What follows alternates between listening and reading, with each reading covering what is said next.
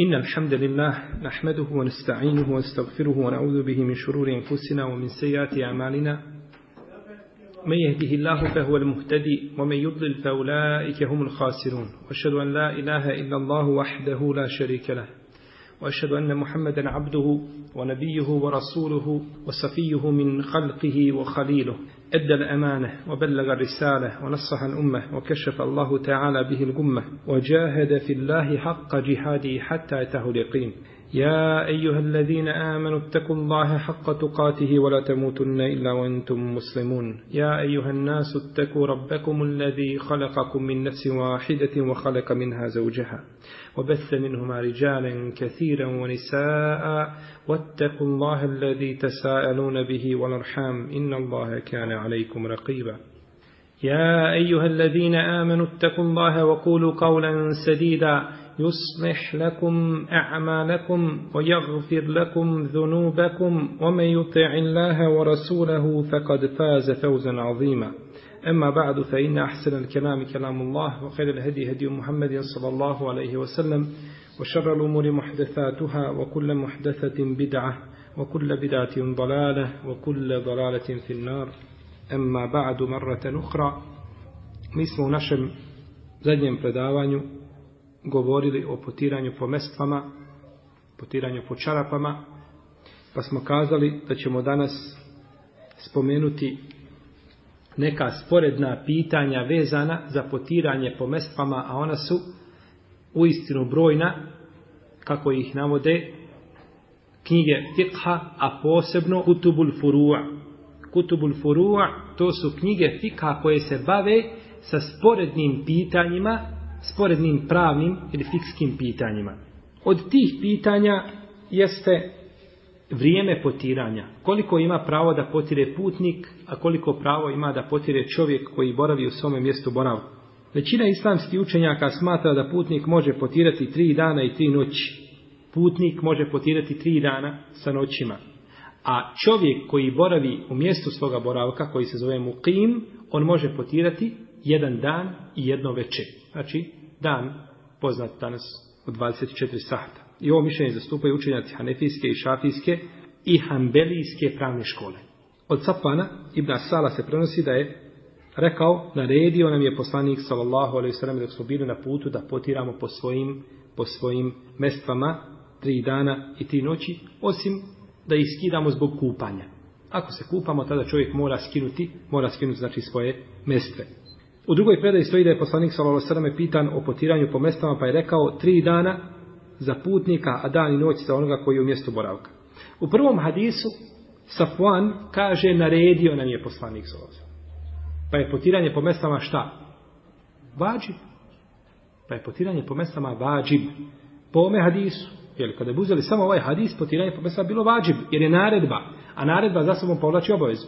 No međutim, mi smo govorili prije kada smo ukazivali o pravilu da naredba povlači obavezu, da moramo skupiti sve hadise koji govore o jednom propisu ili ajete ako se radi znači o jednoj temi ili tematici, pa da možemo izvući znači konačan, konačan zaključak.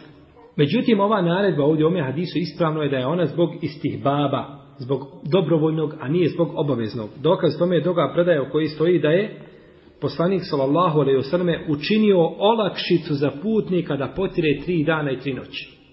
A olakšica nije šta vađib, nego znači olakšica ukazuje da Allah poslanik dozvolio, znači da je to olakšica za putnika. Imam Behefi je slovio poglavlje u svome sunanu, kaže poglavlje olakšica za putnika onome koji obuče mestve nakon upotpunjenog abdesta. Pa je to znači olakšica i niko znači nije rekao znači od islamskih učenjaka da, da to čovjek mora potrati, već ima pravo da iskine, ali može biti bolje potiranje ili pranje shodno onome što smo govorili u našim prethodnim, prethodnim predavanjima. Pa je znači čovjeku dozvoljeno da potire tri dana i tri noći po mišljenju izrazite većine islamskih pravnika, to smo spomenuo tri pravne škole, mimo malikijske, da se potira znači tri dana i tri noći. Drugo pitanje jeste skidanje mestvi, nakon potiranja po njima, da li kvari abdest? Kada bi čovjek obukao mestve na noge, pa iskinuo, pa ih obukao, pa iskinuo, i tako koliko hoćete puta, nakon upotpunjenog abdesta, a nije potirao po njima, to se uvijek smatra mestvama. I te su mestve validne da se potira po njima.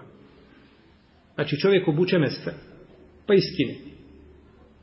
A uvijek na abdestu, nije potirao po njima, pa i opet obuče, pa i opet skine i slično tome, uvijek njegove se mjesta računaju mjestama imana pravo potirat po njima. No, međutim, čovjek obukao mjestve izjutra, klanjao sabah namaz i u podne uzeo abdest i potrao po njima. I nakon podne namaza iz skime. I dođe i kindija. Da li može klanjati sada i kindiju namaz? Skinuje mjestve. Da li može klanjati kindiju namaz? Ulema se razišla po tome pitanju. Jedna skupina pravnika kaže mora ponoviti abdest. I ovo mišljenje zastupaju Ibrahim Nehaj, Imame Zuhri, Mekhul, Ibn Ebi Lejla, Hasan, Ibn Saleh, Reuzai, Ahmed, Ishaq i drugi. Zastupaju znači mišljenje da se mora ponoviti, da se mora ponoviti abdest. Kaže druga skupina učenjaka, mora oprati svoje noge. Nakon što skine meste, mora oprati noge da bi mogao klanjati taj namaz. Jer je on uzeo tamo abdest, a nije šta? oprao noge, nego je potrao po mjestu. Pa sada kada skine, mjesto mora zbog toga oprati svoje noge. I ovo mišljenje zastupaju, imame Nehaj po drugom rivajetu od njega, i po drugoj verziji, imama Ta, pa, Sufjana Ceuri, ha, učenjac Hanefijske pravne škole Abu Seud i imam El Muzani od šafijskih pravnika. I kaže treća skupina, on ima abdest i on može klanjati namaz i ne mora, i ne mora niti obnavljati abdesta, niti mora prati noge. I ovo mišljenje zastupa, opet imame Nehaj i po trećoj verziji od njega, Hasan al-Basri, i ovo se prenosi od Alta'a, od Ebul Alije, Katade, Suleimana ibn Harba i drugih učenjaka. Dakle, vidimo da se islamski pravnici ovdje podijelili i podijelili svoja mišljenja u tri skupine. Jedni kažu mora obnoviti abdest, što znači da skidanje mestvi nakon potiranja po mestvama kod ovih pravnika kvari šta? Abdest, znači nakon potiranja, jako je bitno. Drugi kažu, mora oprati noge. To je stav, jel, anetijske pravne škole i drugi učenjaka. I treći kažu, ne. Njegov namaz je, odnosno abdest ispravni, može tako klanjati. No, međutim, svi su složni da se, ovaj, osim iznimke jedne koju ćemo spomenuti, da se time kvari šta? Mestve. Da se kvari potiranje, kad bi ponovo obuo. No, međutim, što se tiče abdesta, ispravno je mišljenje ove zadnje skupine učenjaka, da to ne kvari, da to ne kvari abdest. I to iz nekoliko razloga. Prvi razlog jeste predaja koja se prenosi sa najvjerodostojnim lancima prenosilaca od Alije radi Allahu te anhu da je jednoga dana potrao po svojim papućama i skinuo ih potom klanjao namaz. Od Alije radi Allahu. A potiranje po papučama je kao potiranje po mestama. Sjećate se da sam spominjao da su učenjaci govorili i mnogi od selefa potiranje, potiranje po papučama i po mestama i da je potiranje po papučama i po mestama ili po čarapama i po mestama isto, po isto vjetili isto. Znači potira se po onome što se oboje. Znači Alija radijallahu ta'ala anhu halifa, ashab poslanika sallallahu alaihi sallam je potirao po svojim mestama, potom iskidao i potom klanjao. Jel? A dokaz za sahaba, kada nema od hadisa, on nema u sunnetu ništa, onda je onda su riječi ashaba dokaz svakako. A nemamo, s druge strane, da je neko od ashaba suprotno govorio o ome. Pa je postupak ali je, inša Allah, ispravan i osnovan. Drugi dokaz je analogija. Jer kada bi čovjek uzeo abdest, potpuno abdest uzne, potare po svojoj glavi i ode kod brice i obrije se, jer mu to pokvarilo abdest?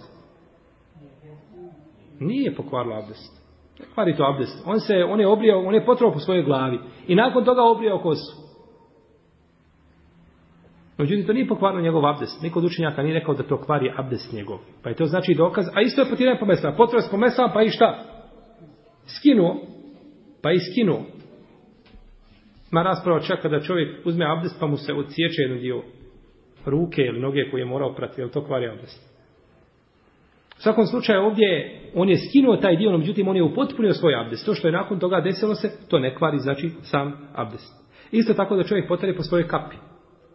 Nije potrebno po glavi. Govorili smo kad smo govorili o abdestu da se može potirati po kapi. Da se ne mora potirati po glavi nikak. Znači ne mora se ništa potirati od kose. Tu postoji poznato razilaženje, a hadise ukazuju da je to dozvoljeno.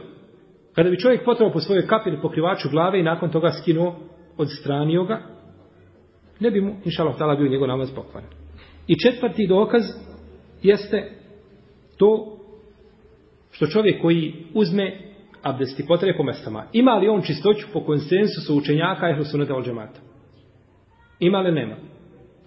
Ima. Zar nije konsensus ehlu sunata da je dozvoljeno potirati po mestama? Čovjek se abdestio i potrebe po mestama. On je pod abdestom, ako, ako je naravno obukao te mjese na čiste noge, on je pod abdestom po mišljenju svih islamskih učenjaka. I kogod kaže da nema abdesta, takav je izišao iz okvira Hrosuneta od džemata. Našao sam čak kod imama Ebu Hanife u El Fikhul Ekberu u akajdskom u akajdskom dijelu koja se pripisuje imamo Ebu Hanifi spominje u tom akajdu potiranje po mjestu. Mi smo spominjali prošli put imama Elberbeharija i imama Taberija, imama Tahavi i spominjali smo Ebu Amra, Edanija i Elalikjaja i druge i Bejherkija koji su spomenuli potiranje po mesama u akajskim knjigama. To je spomenuo isto imam Ebu Hanife. I to prenosi od njega i spominje od njega imam Elkjasani u svome dijelu Bedajo Sanaja, hanefijski poznati fik. Jel? Spominje znači potiranje po mesama u fikskim, u fikskim knjigama. Čovjek je uzeo abdest i potrao po mestama. I on ima abdest po konsensusu učenjaka. Njegov abdest ne može pokvariti ništa osim ono zašto je došao argument da to kvari abdest. Imamo li argument da skidanje mesti kvari abdest? Nema. Kogod kaže da ima argument, mora doći sa argumentom. Mora doći sa jasnim argumentom da to kvari abdest. U protivnom, možemo kazati za mnoge druge stvari da kvare abdest koje nemaju osnove. Da kažemo, Čovjek ako pljune, pokvarit mu to abdest. Žena ako podoji dijete, pokvarit će to abdest i slično tome. Ne može biti tako. Onda ćemo otvoriti sebi vrata koja neće moći zatvoriti. Mora biti argument koji ukazuje da nešto kvari abdest. A ovdje u ovom slučaju ne postoji, ne postoji jasan argument. Između ostali, ovo mišljenje su odabrali isto tako šeho li sami Ibnu Teimije i odabro ga je imam Ibnu Hazmu u svome dijelu Muhalla u drugom tomu na 105. stranici. Pa nadalje pričao je o ovoj temi i dokazao je nepobitno znači da je da je ispravan abdest čovjeku koji skine svoje mjesto. A međutim, kažemo, čovjeku je bolje da to ne čini. Bolje da ne čini izlazeći iz razilaženja. A ako učini, kažemo, opet, inša Allahu Teala, da će njegov, da će njegov namaz, odnosno prije toga abdest biti ispravan. Allahu Teala, ala. Treće pitanje o kome ćemo nešto kratko kazati jeste kada počinje brojati se ili otkada počinje da se broji vrijeme potiranja. Od kada čovjek da broji dan i noć, ili tri dana i tri noći. Islamski učenjaci po ome pitanje imaju tri mišljenja. Jedni kažu, počinje vrijeme potiranja, odnosno broji se čovjeku od onoga momenta kada izgubi abdest. Što znači? Čovjek se abdestio pred podne namaz i obukao mestve. I u tri sahata, nakon podne namaza, a prije Kindije izgubi abdest. E tada kada si izgubio abdest, od tada ti se pročinje računati 24 sahata ako si šta u mjestu boravka, a 72, jeli? 3 dana i 3 noći, jeli? 72 sahata ako si na putu. I ovo je mišljenje većine islamskih učenjaka. Većina islamskih pravnika, fakiha, izrazita većina smatra da se računa znači od prvog hadesa, odnosno od prvog kada se izgubi abdest. Druga skupina, među kojima su imam Rauzaji i Ebu Seur, imam Neovi, kažu, počinje se računati to vrijeme od prvog potiranja. Prvi put kada potareš.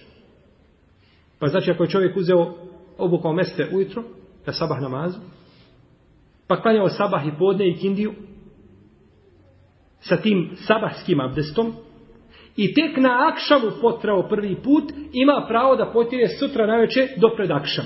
Prije napunjenja, znači 24 sata, ako je mjesto boravka. Ako je putnik, 3 dana i 3 noći.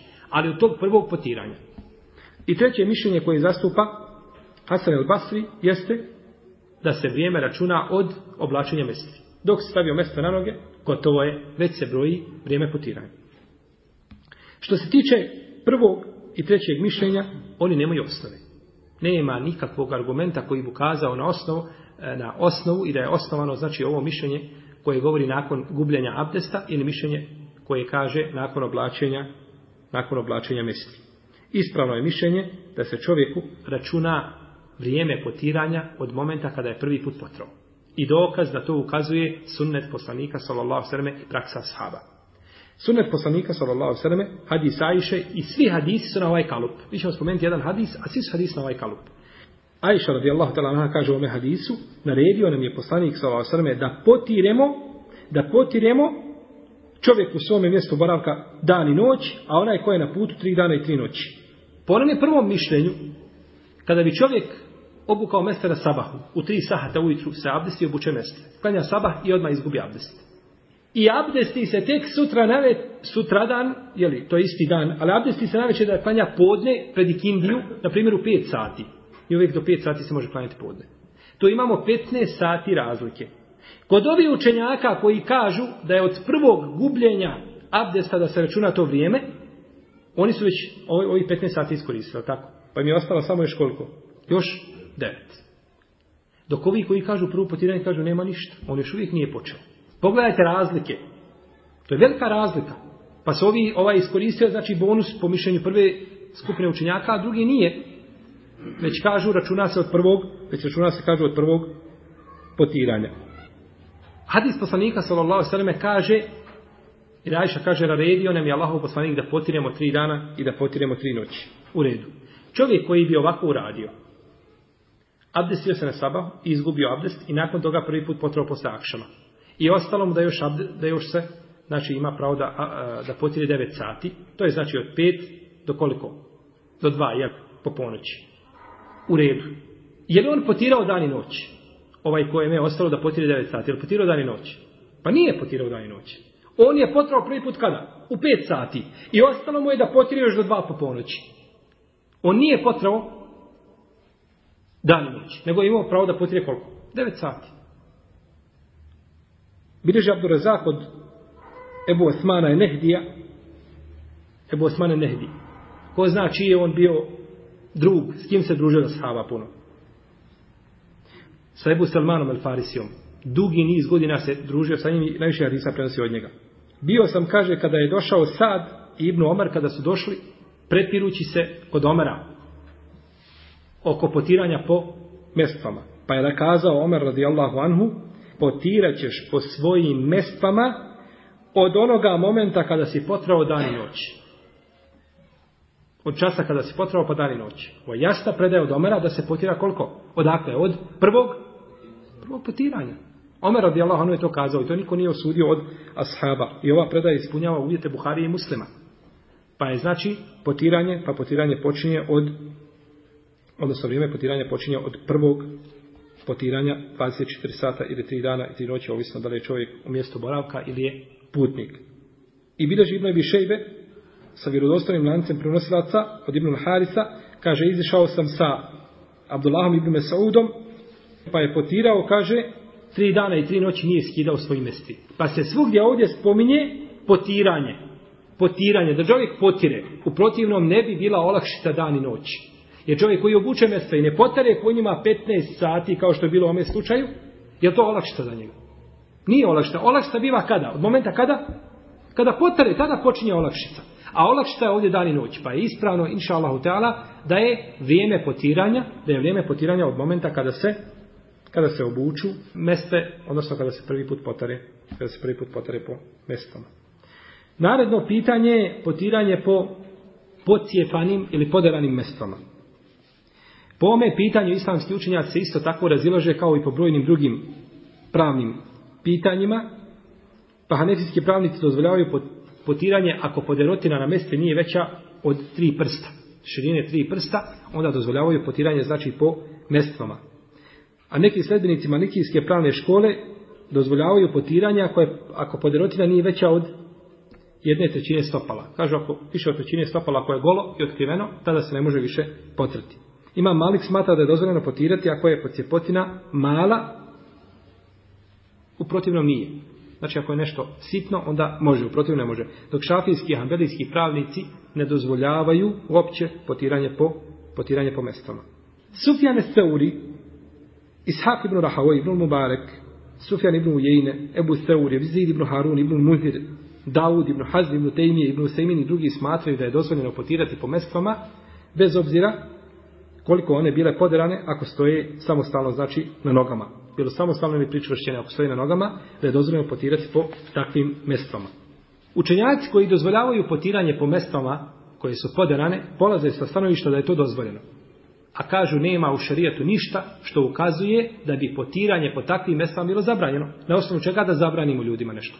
Na osnovu čega da otežavamo ljudima ako nemamo argumenta?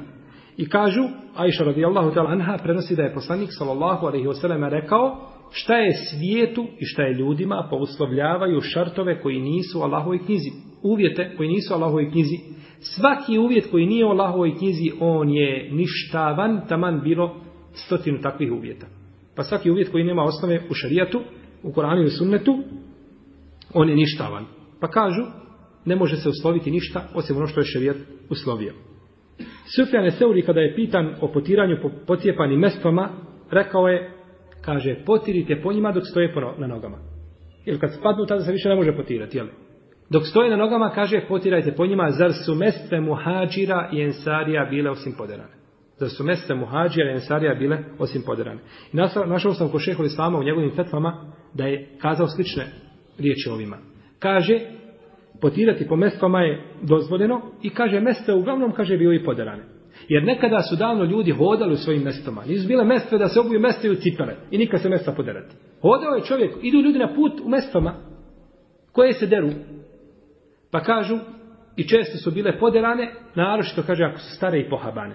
Lahko se, znači, poderu i pocijepaju, kaže.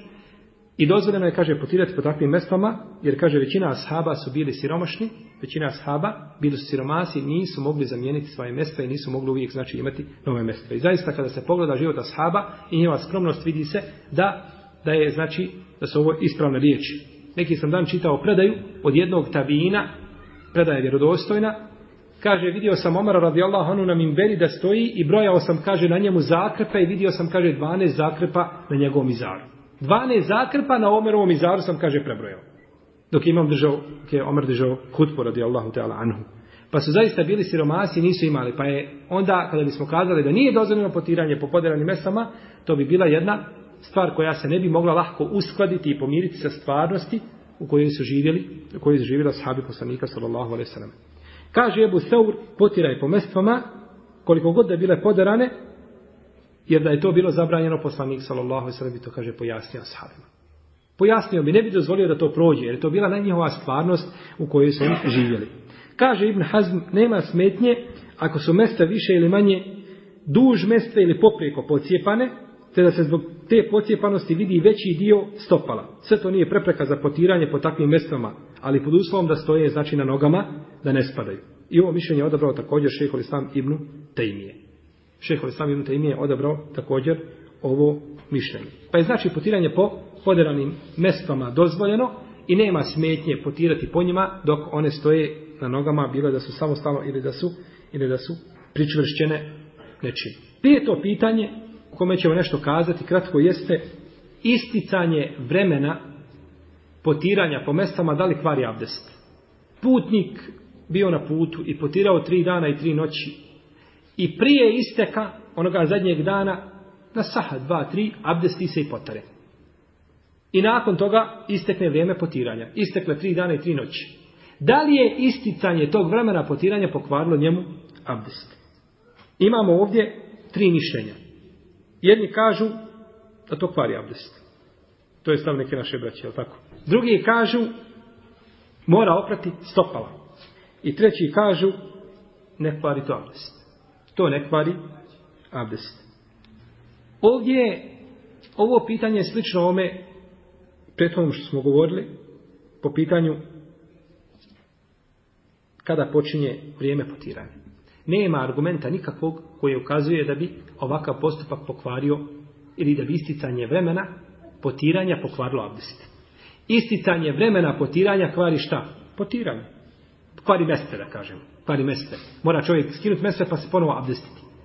U protivnom, čovjek ima, inša Allah, abdest. I ovo mišljenje zastupaju Ibrahim el-Nahaj, Ibn Abi Leila, Hasan al-Basri, Katade, Suleman Ibn Harb, to je jedan od šehova i mama Buharije, i odabrao ga je od šafijskih učenjaka Ibn Munzir imame Neuvi.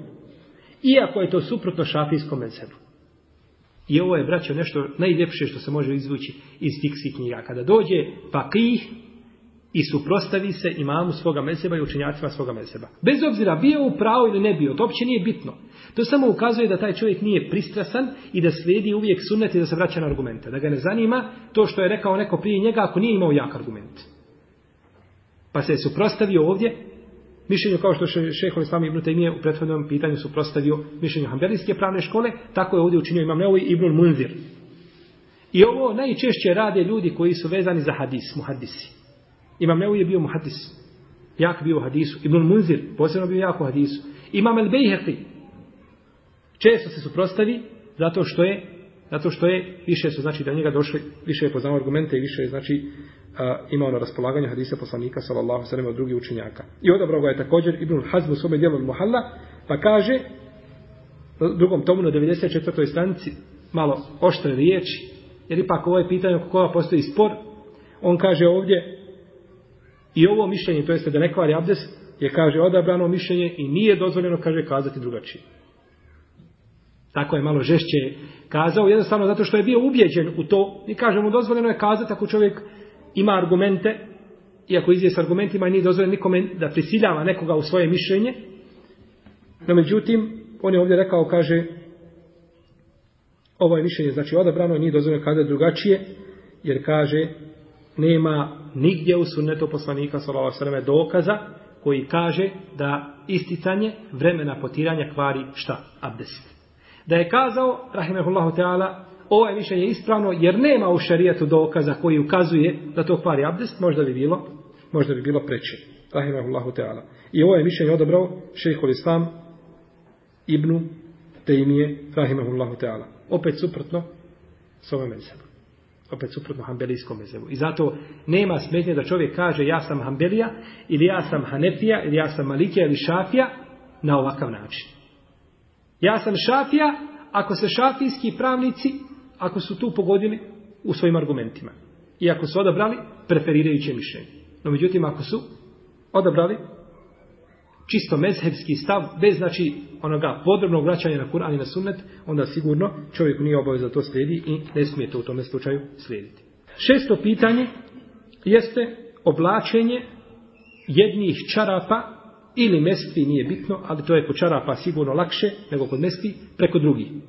Kada bi čovjek obukao jedne čarape, pa preko njih drugi, druge, preko njih treće, četvrte, pete i tako dalje, nema razilaženja većeg među islamskim pravnicima nisu poznati znači sporovi da je čovjek dozvoljen da potira po njima. Ako je obukao na punoj čistoći. No međutim, ima jedno iznimno mišljenje kada bi čovjek obukao druge čarape po onima po kojima je već potirao.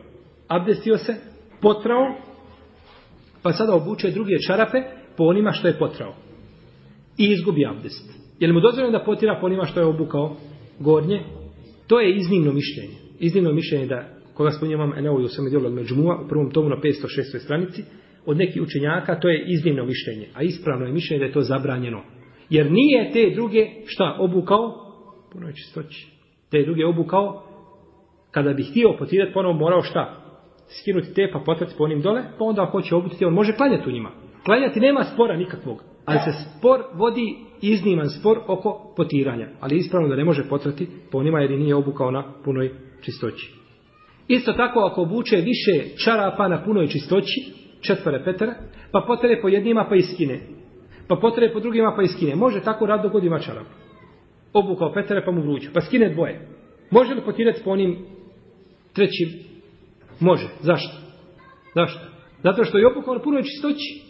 Na punoj čistoći je obukao i koliko god da ima, sve su na punoj čistoći. I može znači potirati na njima koliko da ima. A zašto u prvom slučaju nije mogao potirati po njima što je obukao preko prvih po kojima je potrao?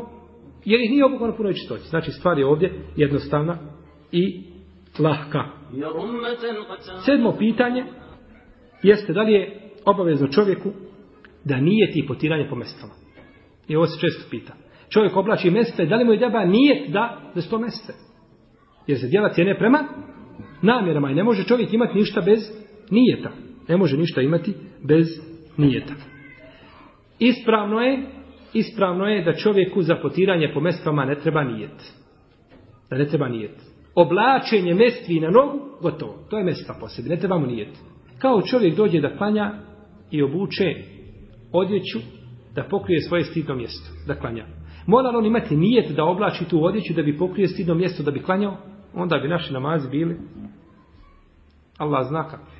Svi bili pokvareni. Jer ko od nas nije ti da pokriva stidno mjesto za namaz? Ne mora imati. Samo oblačenje odjeće i pokrivanje stidnog mjesta je po sebi šta? Učinjeno ono znači što je širija tražio od tebe. Tako isto ovdje. Dok čovjek obuče mjesta ne mora imati nijet da potira po njima. Niti mora imati nije da ako izlazi na put da kaže potiram tri dana i tri noći. Dok izišao na put potiraš tri dana i tri noći. Protivno, kad bi čovjek bio u mjestu boravka, pa izišao na put, ne mogao promijeniti nijeti slično tome. Znači, čovjek ne mora imati nijet za potiranje po mestama, samo oblačenje mestvi ukazuje, znači, na potiranje po mestama i da je dozvoljeno čovjeku, znači, da potire onaj period koga smo spomenuli prethodno. Ovdje smo spominjali pitanje, i ovo je osmo, osma tačka, ona ima veze sa ovom šestom koju smo spominjali, ko bi skinuo svoje mestve po kojima je potrao potom i ponovo obukao, da li mu je dozvan da potire? Kazali smo da nije. Zbog čega mu nije dozvan da potire po ovim mestvama? Nije mu dozvan da potire iz više razloga. Prvo, jer ovakvo potiranje vodi u beskrajnost, nikad kraja nema. Svaki put kad čovjeku se približi vrijeme da mu isteknu mjeste, on iskine i ponovi obuče. Razumijete? Približa se vrijeme da istekne vrijeme potiranja tri dane i tri noći. Ili dan i noć, ako si u mjestu boravka. Kad se približi to vrijeme isteka, prije toga sahat vremena skineš i ponovo obučeš. I ponovo imaš šta? Dan i noć. Jer si ih ponovo obukao. Tako ako se na putu isliš o tome. Znači, nema nikada kraja tome. Ako bi bilo dozvoljeno potirati po mestama koje se, znači, jer, jer je ta čovjek ponovo obukao i moralo bi se, znači, računati vrijeme ponovnog oblačenja. A to nije kazao niko od islamskih učenjaka.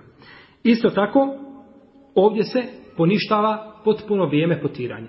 Vrijeme potiranja, znači, ne bi imalo nikakve uloge, nikakvog ibrata, ne bi ništa značilo dan i noć, jer bi znači, to potiranje bilo kudi kamo duže.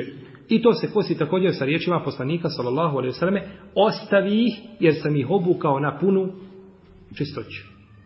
Čovjek je skinuo pa je obukao, jer je obukao na punu čistoću. Nije, nego je obukao znači, a nije na punoj čistoći. Pa bi se to kosilo sa hadisom poslanika, sallallahu alaihi wa alaihi wa sallam.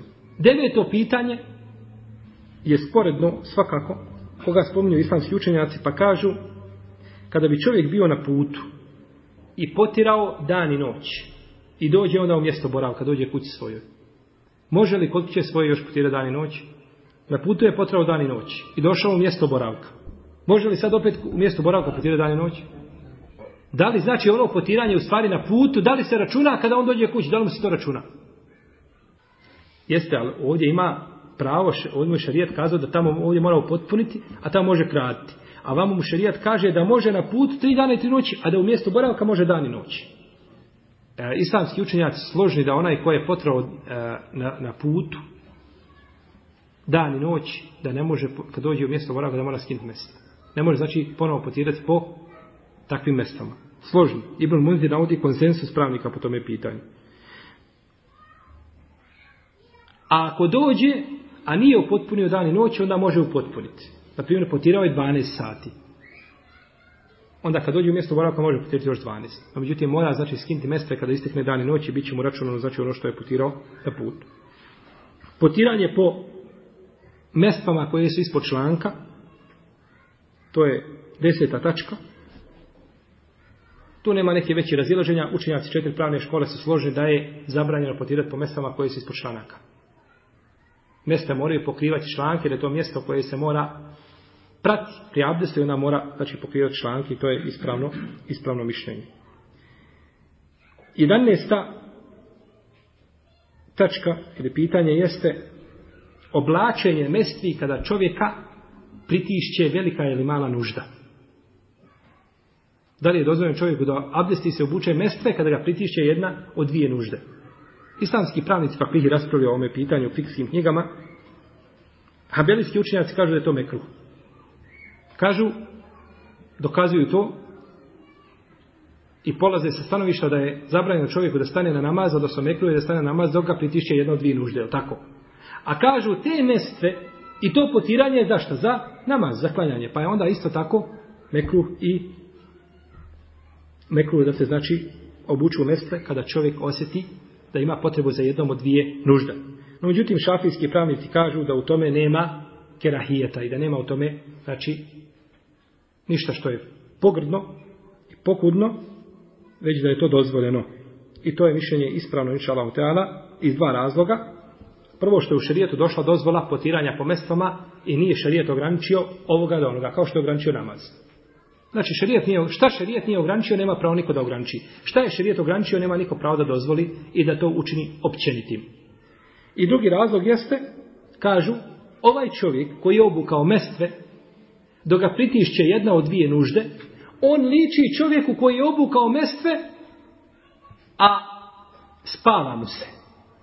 I zaista je poređenje jako lijepo. Čovjeku se spava, hvata ga nesanica, mekruh mu je da klanja u takvom stanju, tako?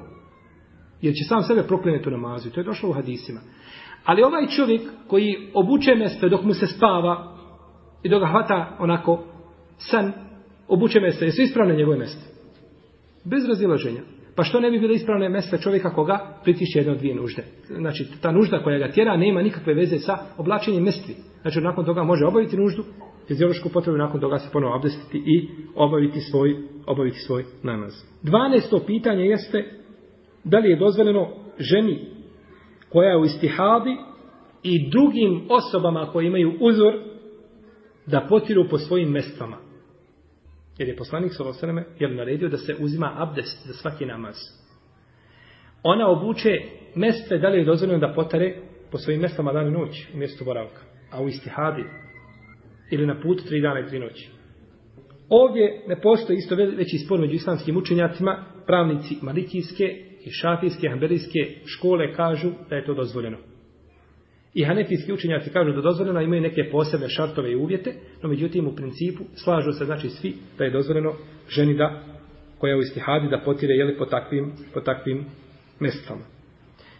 Ovdje bih još samo na kraju spomenuo, a ova pitanja koja smo spominjali, da se vratimo na knjige koje govore o sporednim fikskim pitanjima, na, naišli bismo na mesele i pitanja koja, kada bismo htjeli podrobno objasniti, možda bi nas i snijeg zatekao, da bismo to objasnili. Toliko toga ima o čemu učenjaci raspravljaju po pitanju, znači potiranje po mjesecu. I to je zaista jedna oblast koja je velika u islamu.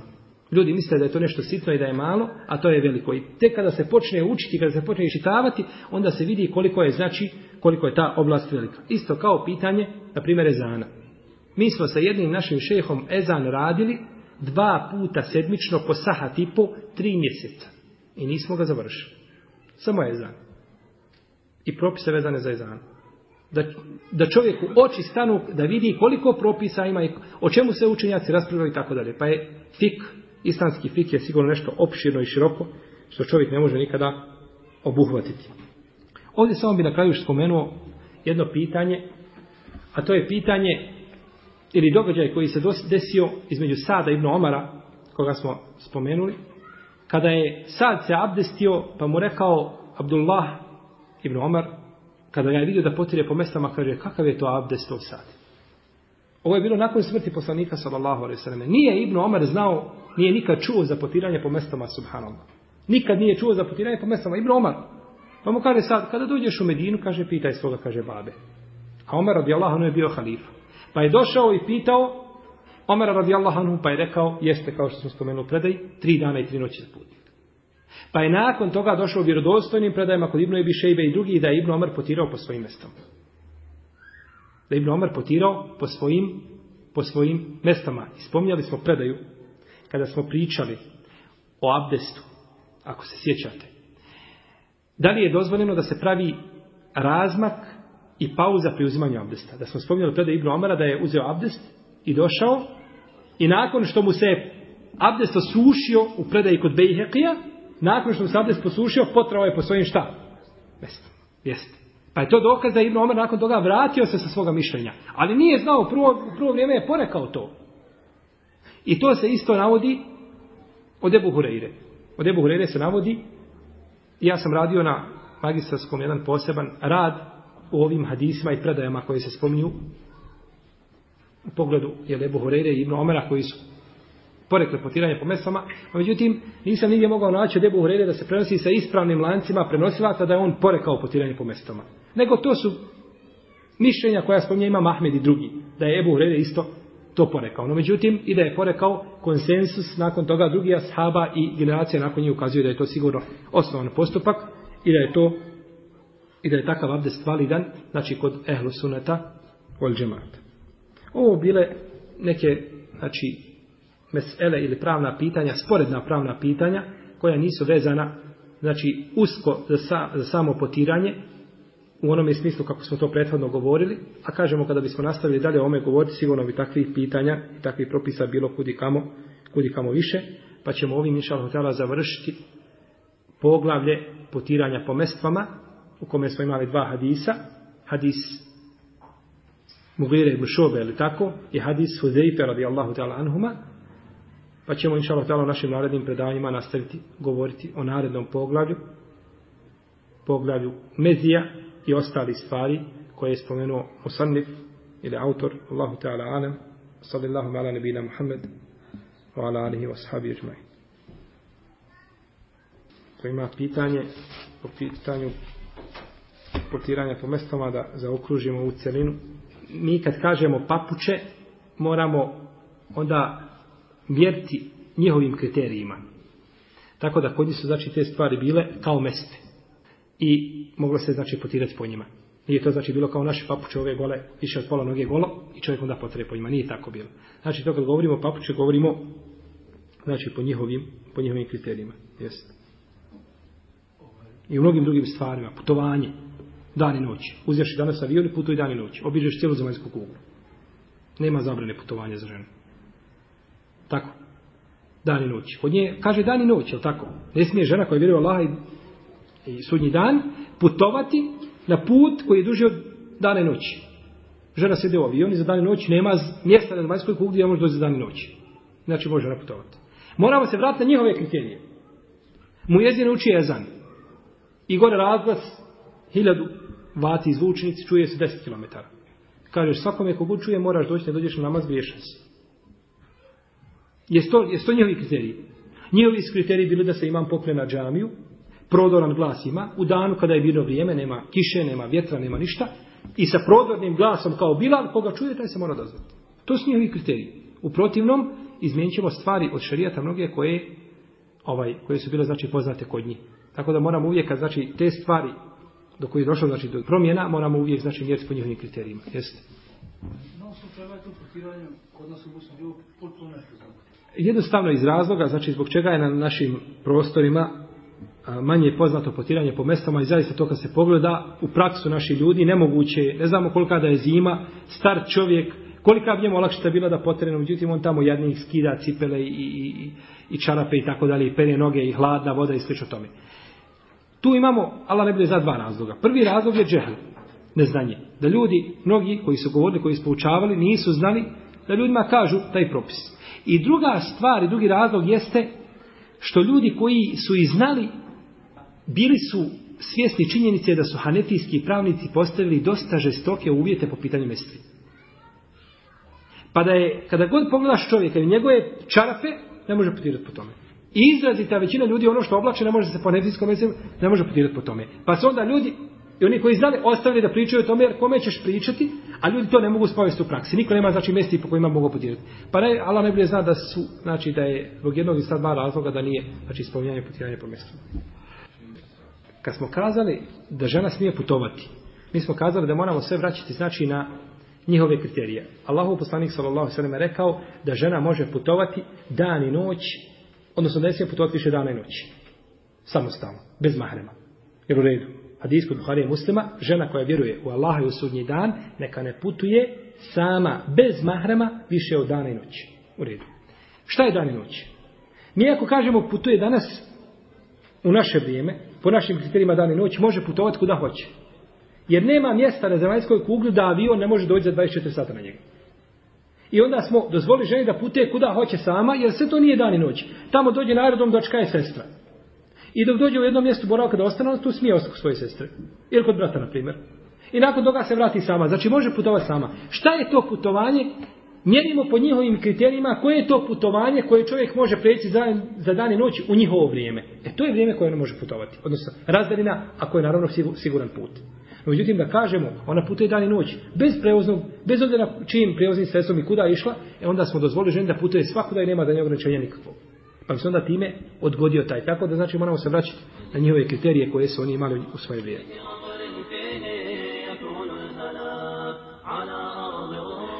Assalamu alaikum.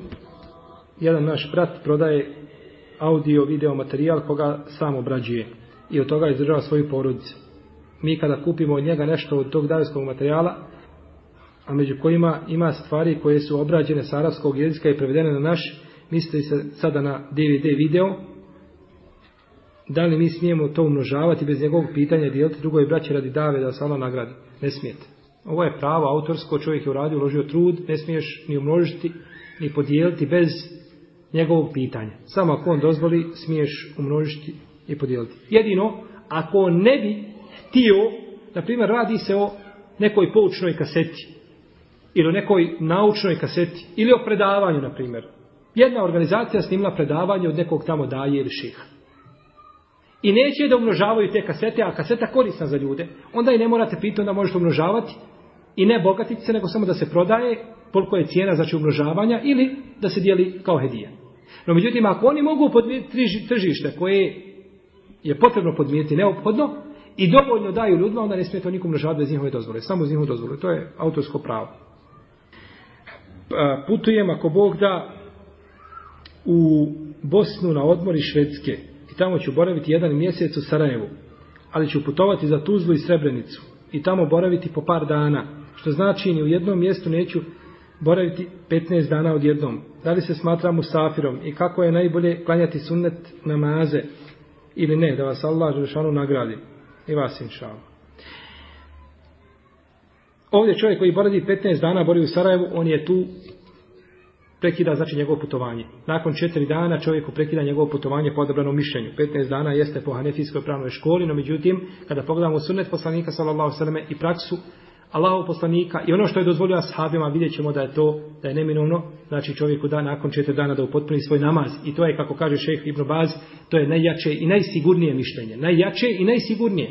Jer čovjek koji treba kratiti, a upotpuni njegov namaz je ispravan ko sve uleme. Najviše, najviše što se može kazati u pogledu njega jeste da je griješan. Ali namaz je ispravan ko sve uleme. No međutim, kada čovjek treba da upotpuni, a skrati njegov namaz je pokvaren ko se uleme. Pa u svakom slučaju čovjeku preče i bolje da nakon četiri dana upotpuni. Tamo gdje ideš dan, dva, tri, u Tuzlu ili na drugom mjesto gdje ideš, znači, kao putnik, tamo ćeš krati svoj namaz, a što se tiče suneta, znači u Sarajevo ili u mjestu Boravka gdje dolaziš, klanjaš svoj namaz u potpunjosti. Zašto imam istupa, ovo je četvrto pitanje, zašto imam istupa u namazu ispred džematlija žena koja spredvodi namaz ženama ne istupa ispred ostalih žena koje su koje, koje su predaje po ovom pitanju mislim kada žene klanjaju same pa prave džematki namaz Predaje su ispravne od Ajše radijallahu ta'ala anha i Umu Seleme kako bileže dare kutni i drugi kaže im, imam neovi u svome djelu hulasa da su ove predaje vjerodostojne da je Ajša radijallahu ta'ala anha klanjala ashabikama i da je stajala između njih u sredini safa. Zbog čega? Allah najbolje zna mudrost toga.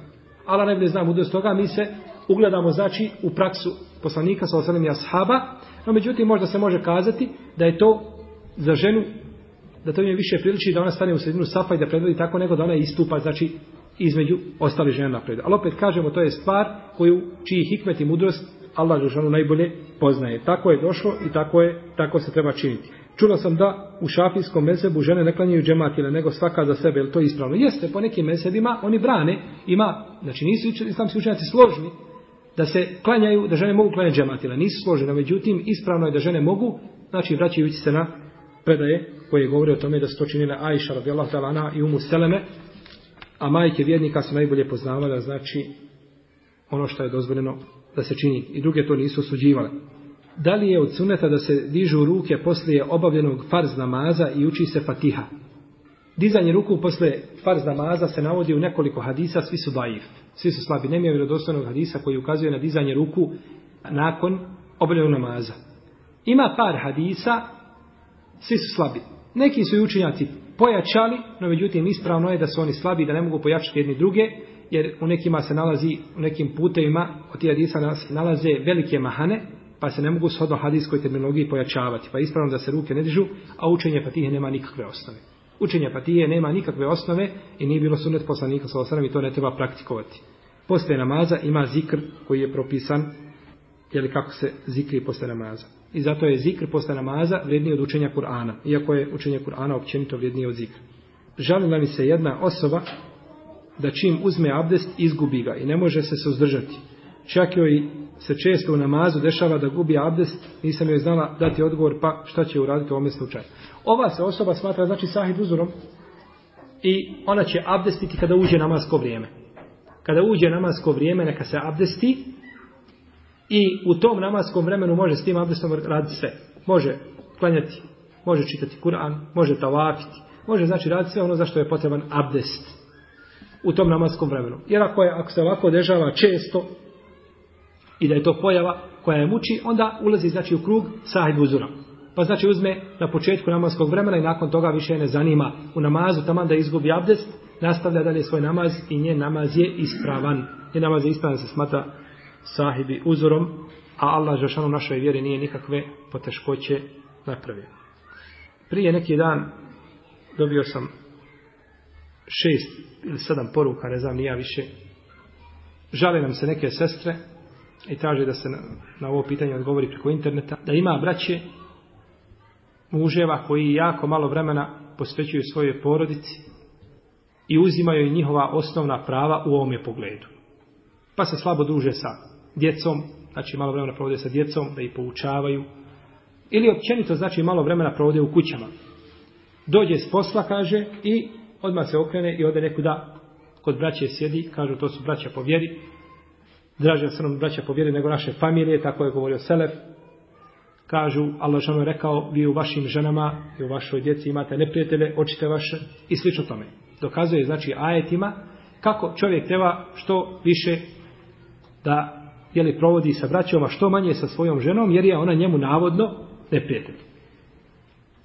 Pa traže znači da se pojasni ovo pitanje, da li to u istinu tako. I kažemo, ovo je isto poput onih koji kažu, šta god žena progovori, kaže krnjava pamet i krnjava vjera. To je pogrešno razumijevanje Kur'ana i Sunnita.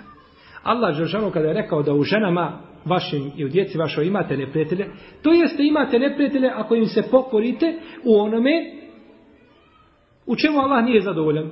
Činite ono što vam je Allah zabranio da bi se pokorili njima. Ili ostavljate ovo ono što vam je Allah naredio udovoljavajući njima i njihovim hirovima. Tada su vam vaši neprijatelji. U protivnom su vam vaši prijatelji. I na sudnjem će dano Allah šanu jedne priključiti drugima. I zbog jednih drugi će dobiti veće stepene. I poslanik sallallahu sallam kaže u Adisu, Dunjaluk je sav prolazan i sve su prolazne stvari na Dunjaluku. A najbolja od tih prolaznih stvari je dobra i lijepa, misli se vjerski, jeli, žena, vjerski stabilna žena.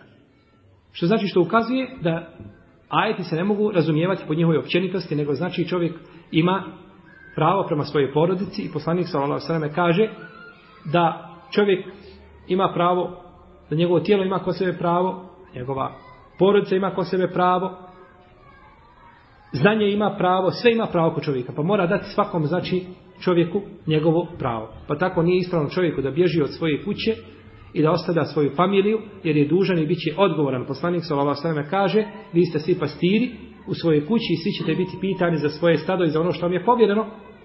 Pa kako ćeš biti pitan Allahov robe za nešto, a ne znaš ništa o tome? Allah će te pitati za to djete, ti ne znaš o njemu ništa. Pitaće te za tvoju ženu, ti o njoj ne znaš ništa i o tome. I onda to je, mi znamo da je boravak ženama u kući, shodno društvu u kome žive, da je dosta puta otežan. Jer uvijek neko nešto prigovara, izaziva, provocira i slično tome. I pored toga žena saburavi, sabura i boravi u kući. Ono, znači onaj vremenski period dok je čovjek na radnom mjestu. I nakon toga kada dođe kući ne nađe shodno vremena da porazgovara s svojom ženom, ženom znači da joj dadne to osnovno pravo, sigurno da to negativno utiče na nju i žena može izdržati jedan vremenski period i sigurno da će to negativno utjecati na njihovu brašnu vezu. Tako da čovjek obaveza da dadne pravo svojoj ženi i svome djetetu i da oni imaju veće pravo kod njega nego njegova braća muslimani. To ne znači da može uzeti pravo jednih, od jednih pa dati drugima, ne. Ali znači kada dođe da se sukob, sukobe ta dva prioriteta, onda se prioritet daje porodici, nego da se daje znači bratu da ode njemu posjetu. Našto ako ste izjariti vezani za kahve i za priče koje možda nemaju u dosta slučajeva, znači nemaju nikakvog ploda, može samo čovjek možda nakon toga imati grijeha, ogovaranje, sve što tome. Pa znači čovjek mora paziti isto tako i na svoju familiju, ne smije zapostaviti svoju porodicu, će znači prvenstveno biti pitan za svoju za svoju familiju. I to je uzimanje znači, prava, i to je zulum, i to je nepravda, a Allah Žešano je zabranio zulum sebi i učinio ga je među svojim rovojima zabranjenim, pa čovjek mora dati svakome njegovo pravo. Allahu te ala. U svakom slučaju o ovoj temi se može sigurno puno više govoriti, ali ovo je bilo ukratko da čovjek ne treba da bježi iz svoje kuće, nego treba da pravi u svojoj kući atmosferu i da mu je drago da uđe u svoju kuću i da mu je drago da boravi u svojoj kući. Međutim, ako napravi u svojoj kući atmosferu, da dok uđe gleda kako će izići svoje kuće, sigurno da neće biti, neće biti znači, ovaj takva porodica stabilna i neće učiniti znači važiv i obavezu koju je zadužio Allah Đelešanu, naročito u ovim danas vremenima fitne taj nereda u kojima svaka muslimanska porodica predstavlja islam, pa ako se čovjek bude tako nemarno obhodio prema svojoj porodici, bojati se Boga mi da će ljudi imati isteći krivu sliku o islamu, pa može biti znači sebebom krivog predstavljanja islama. Kao što braća musliman uđe u islam, počne klanjati i prva stvar koju ženi kaže, ja ću kaže o ženi drugu. Ja ću se ženiti. I to joj nabija, Allah dragi zna dok le. Prva stvar što je kazao, nije kazao ja ću se ojačiti pa ću ići negdje da pomognem islam i vjeru i din, nego kaže ja ću se oženiti. I to ja ću se oženiti. Ja. I onda kada čuju žene, cure, koje su onako koje ostaju sim empatije prema muslimanima, vjernicima, kada čuju takve stvari, pa kaže zadnje za koga će se udati jeste musliman, jer on samo razmišlja kako će ženiti u ženu.